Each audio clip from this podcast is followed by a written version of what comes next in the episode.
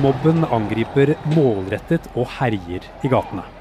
Mange av dem har hjelmer på hodet, og de er utstyrt med våpen og jernstenger i den indiske hovedstaden New Delhi.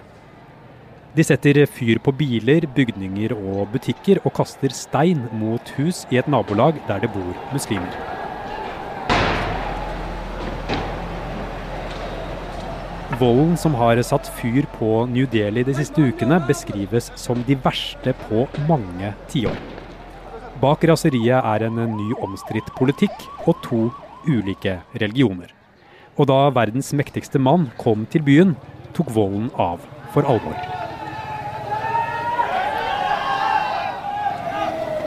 Dette er Forklart fra Aftenposten. Jeg heter Andreas Bakke Foss, og det er tirsdag 10. mars.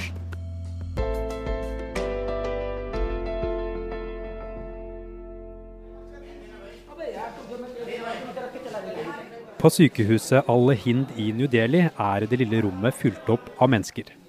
På blå gummimatter i sengene ligger skadede pasienter. Noen har kutt i beina, og andre har skadet hodet etter å ha fått bank og blitt angrepet. Ved en av sengene står en lege og gir instruksjoner. Han mener menneskeheten i India døde denne dagen. Legen mener at det å drepe noen på en så barbarisk måte betyr at samfunnet har mistet sin mentale balanse. Inntil en vegg sitter 62 år gamle Mafos Omar. Han har plastret hodet og et forslått øye, og han forteller at han ble slått så mye at han ble bevisstløs. Og han aner ikke hvordan han kom seg til sykehuset og fikk hjelp. Guro Varhus Samuelsen, du er førstelektor i Sør-Asia-studier ved Universitetet i Oslo. og Du kjenner indisk kultur og politikk svært godt. Hvordan vil du beskrive disse angrepene og opptøyene i India de siste dagene? De første meldingene om eh, vold kom 23.2. Så har det vært en uoversiktlig situasjon, men vi har hele tiden fått eh, bilder og videoer eh, både som sivile, altså lokalbefolkningen har tatt opp, og, og rapporter fra indiske journalister. Det vi vet, er at det antallet som er bekrefta døde, har steget til 53, og det er uh, flere hundre som er skadd. Uh, flere tusen har flyktet fra sine hjem og nabolag i uh, det nordøstre hjørnet av New Delhi. Og disse områdene i, i den indiske hovedstaden, det er relativt fattige, altså arbeiderklassestrøk. Og det er i all hovedsak Eh, folk som tilhører eh, arbeiderklassen og lavere samfunnssjikt, som har eh, vært skadelidende under disse angrepene. Og så er det de som har utløst dette, det er grupper, altså mobber, bestående av hindunasjonalistiske aktivister, stort sett unge menn. Eh, og som ikke bor i disse områdene selv, men som har vært eh, busset inn utenifra. Og som har gått i angrep på folk med eh, skytevåpen, steiner, jernrør, hva man har hatt for hånden. Og eh, satt fyr på, på, særlig da muslimske hjem og muslimske eh, butikker og annen næringsvirksomhet. Ved siden av Omar sitter 26 år gamle Shavana Parven med sønnen sin på armen.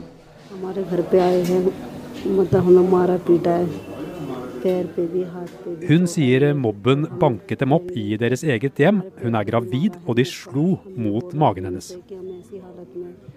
Fortvilte pårørende beskriver rystende scener til politiet om familiemedlemmer som er blitt skutt og kastet i flammene av mobben.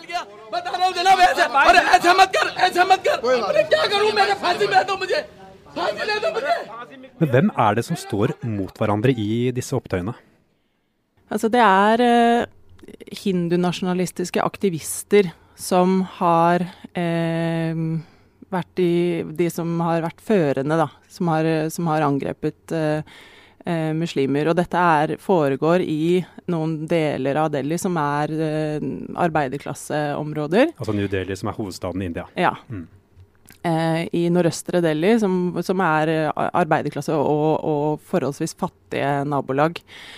Det er også kommet mange rapporter som viser at det er ikke de som faktisk bor i disse områdene som har eh, gått til angrep på hverandre, men at det har vært folk utenfra. Sånn at for de som har blitt angrepet, så har de opplevd at det plutselig dukker opp eh, da, særlig veldig mange unge menn i sånn mobber med væpna med stein og jernrør og sånne ting, og som har satt fyr på hus og gått til angrep på folk.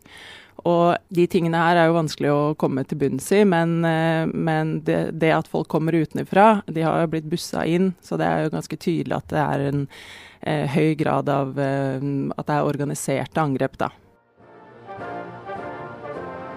I slutten av februar landet USAs president Donald Trump i India. Og med statsminister Narendra Modi snakket han bl.a. om religionsfrihet. Freedom, he in India, India they have uh, they have worked very hard to have great Volden økte da Trump kom til India, og demonstranter satte bl.a. fyr på plakater av presidenten.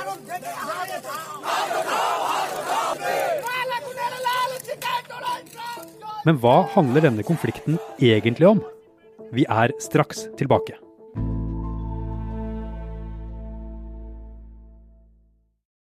Siden midten av desember har det vært gateprotester i Indias hovedstad New Delhi mot en ny lov. Citizenship Amendment Act, eh, eller CAA, som ble vedtatt eh, i desember. Hva handler den loven om? Jo, Loven gjør det mulig for forfulgte religiøse minoriteter fra Afghanistan, Pakistan og Bangladesh, som har oppholdt seg ulovlig i uh, India, uh, å få indisk statsborgerskap. Det er en slags snarvei til indisk statsborgerskap. Uh, og det høres jo veldig bra ut. Uh, Regjeringa presenterer loven som en sånn utstrakt hånd til forfulgte religiøse minoriteter i regionen. Eh, og innenriksminister Amit Shah har kalt dette et humanitært spørsmål. ikke sant? Det er en utstrakt hånd, hinsides politiske ideologier. Og så er jo spørsmålet hvorfor det skaper så store protester. Eh, og der må man lese den lille skriften. Eh, muligheten til å få statsborgerskap via denne nye kanalen, den er avgrenset til hinduer, persere, sikher, buddhister, eh, jainer og kristne. Som med andre ord vil si alle religiøse grupper i Sør-Asia, bortsett fra muslimer. Ja, Hvorfor ikke muslimer? Eh, nei, eh, det handler jo om at eh, hindunasjonalismens politiske prosjekt, det er å skape et såkalt hindurashtra, altså altså en hindunasjon. Eh, og muslimene, som utgjør 14% av Indias befolkning, ses på som en eh, trussel mot dette prosjektet. Um, og det er den religiøse avgrensningen i loven som gjør at kritikerne mener at den, den bryter med Indias sekulære grunnlov. Og man har en uh, velbegrunna frykt for at muslimene kommer til å ende opp som annenrangs borgere under den uh, lovgivningen. Men hvorfor er det da muslimer som uh, blir angrepet? Det er muslimer som har stått i sentrum for uh, protestene. Eh, det er flere Det er én stor protest eh, sentralt i Delhi, og så har det vært flere mindre i, i, andre deler av byen. Altså protester mot loven? Mot uh, denne loven. Um, og det er jo en måte å hevde sin rett, ikke sant. Å heve stemmen og, og hevde sin rett som, som indisk borger. Uh, og det tenker jeg er en viktig grunn til at de nå har blitt angrepet. For det er muslimer som har blitt utsatt for vold og angrep i og rundt hovedstaden de siste ukene. Over 50 mennesker er drept, og flere hundre har blitt skadet i opptøyene.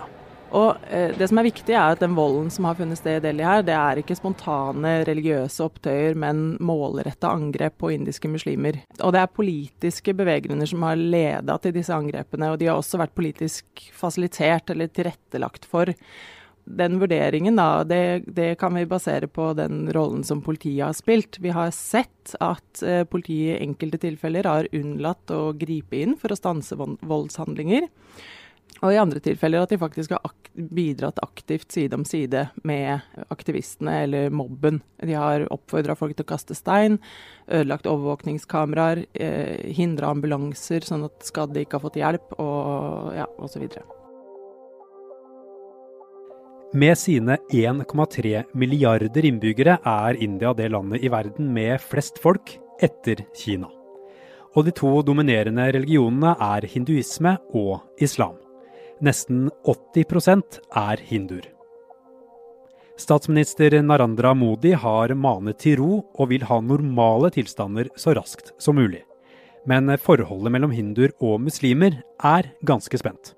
Vi har sett rapporter om at uh, indiske muslimer uh, flytter ut av uh, hovedstaden, de som har mulighet til det. At man vurderer å barbere av seg skjegget og slutte å gå med sånne typiske muslimske identitetsmarkører offentlig. og India har jo, hatt, har jo en historie med eh, voldelige sammenstøt mellom ulike religiøse grupperinger.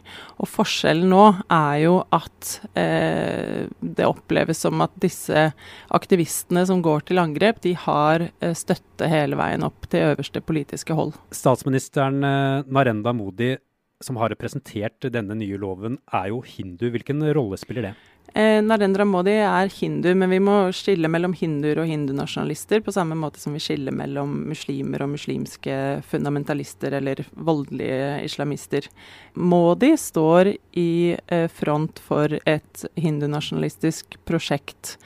Og eh, siden hans regjering ble gjenvalgt i mai 2019 med full majoritet i, i det indiske um, parlamentet, så har vi sett en rekke avgjørelser som, eh, som peker i retning at man er motivert for å eh, underminere den, det sekulære fundamentet som indisk demokrati bygger på. Men hva er det Modi og regjeringen vil med denne loven? Denne loven er eh, et eh, ledd i en politikk som eh, har som effekt at den eh, marginaliserer eh, de litt over 200 millioner eh, muslimer som eh, bor i India, og som er indiske.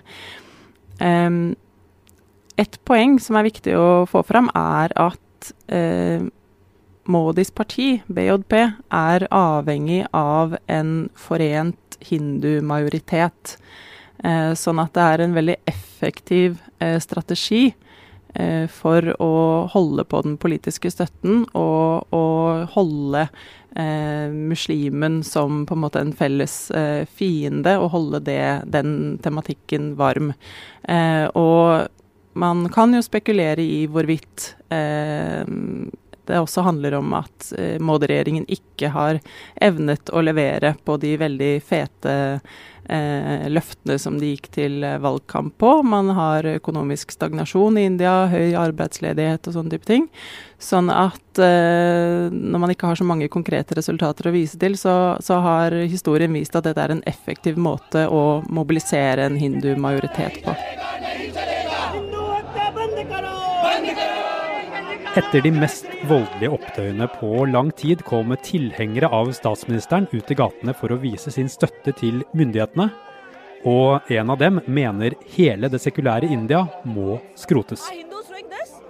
We are just here to give our protest. Why us? In our own country, we have to be, we have to be targeted. Why? What have we done?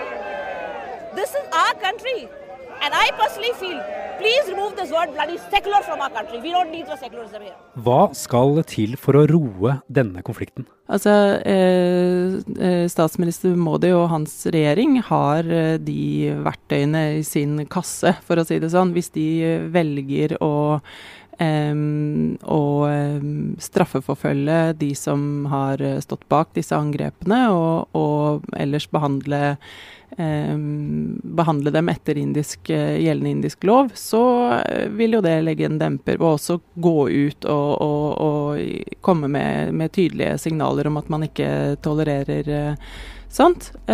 men det er jo høyst usikkert om, om de ser seg tjent med å, med å takle det på den måten.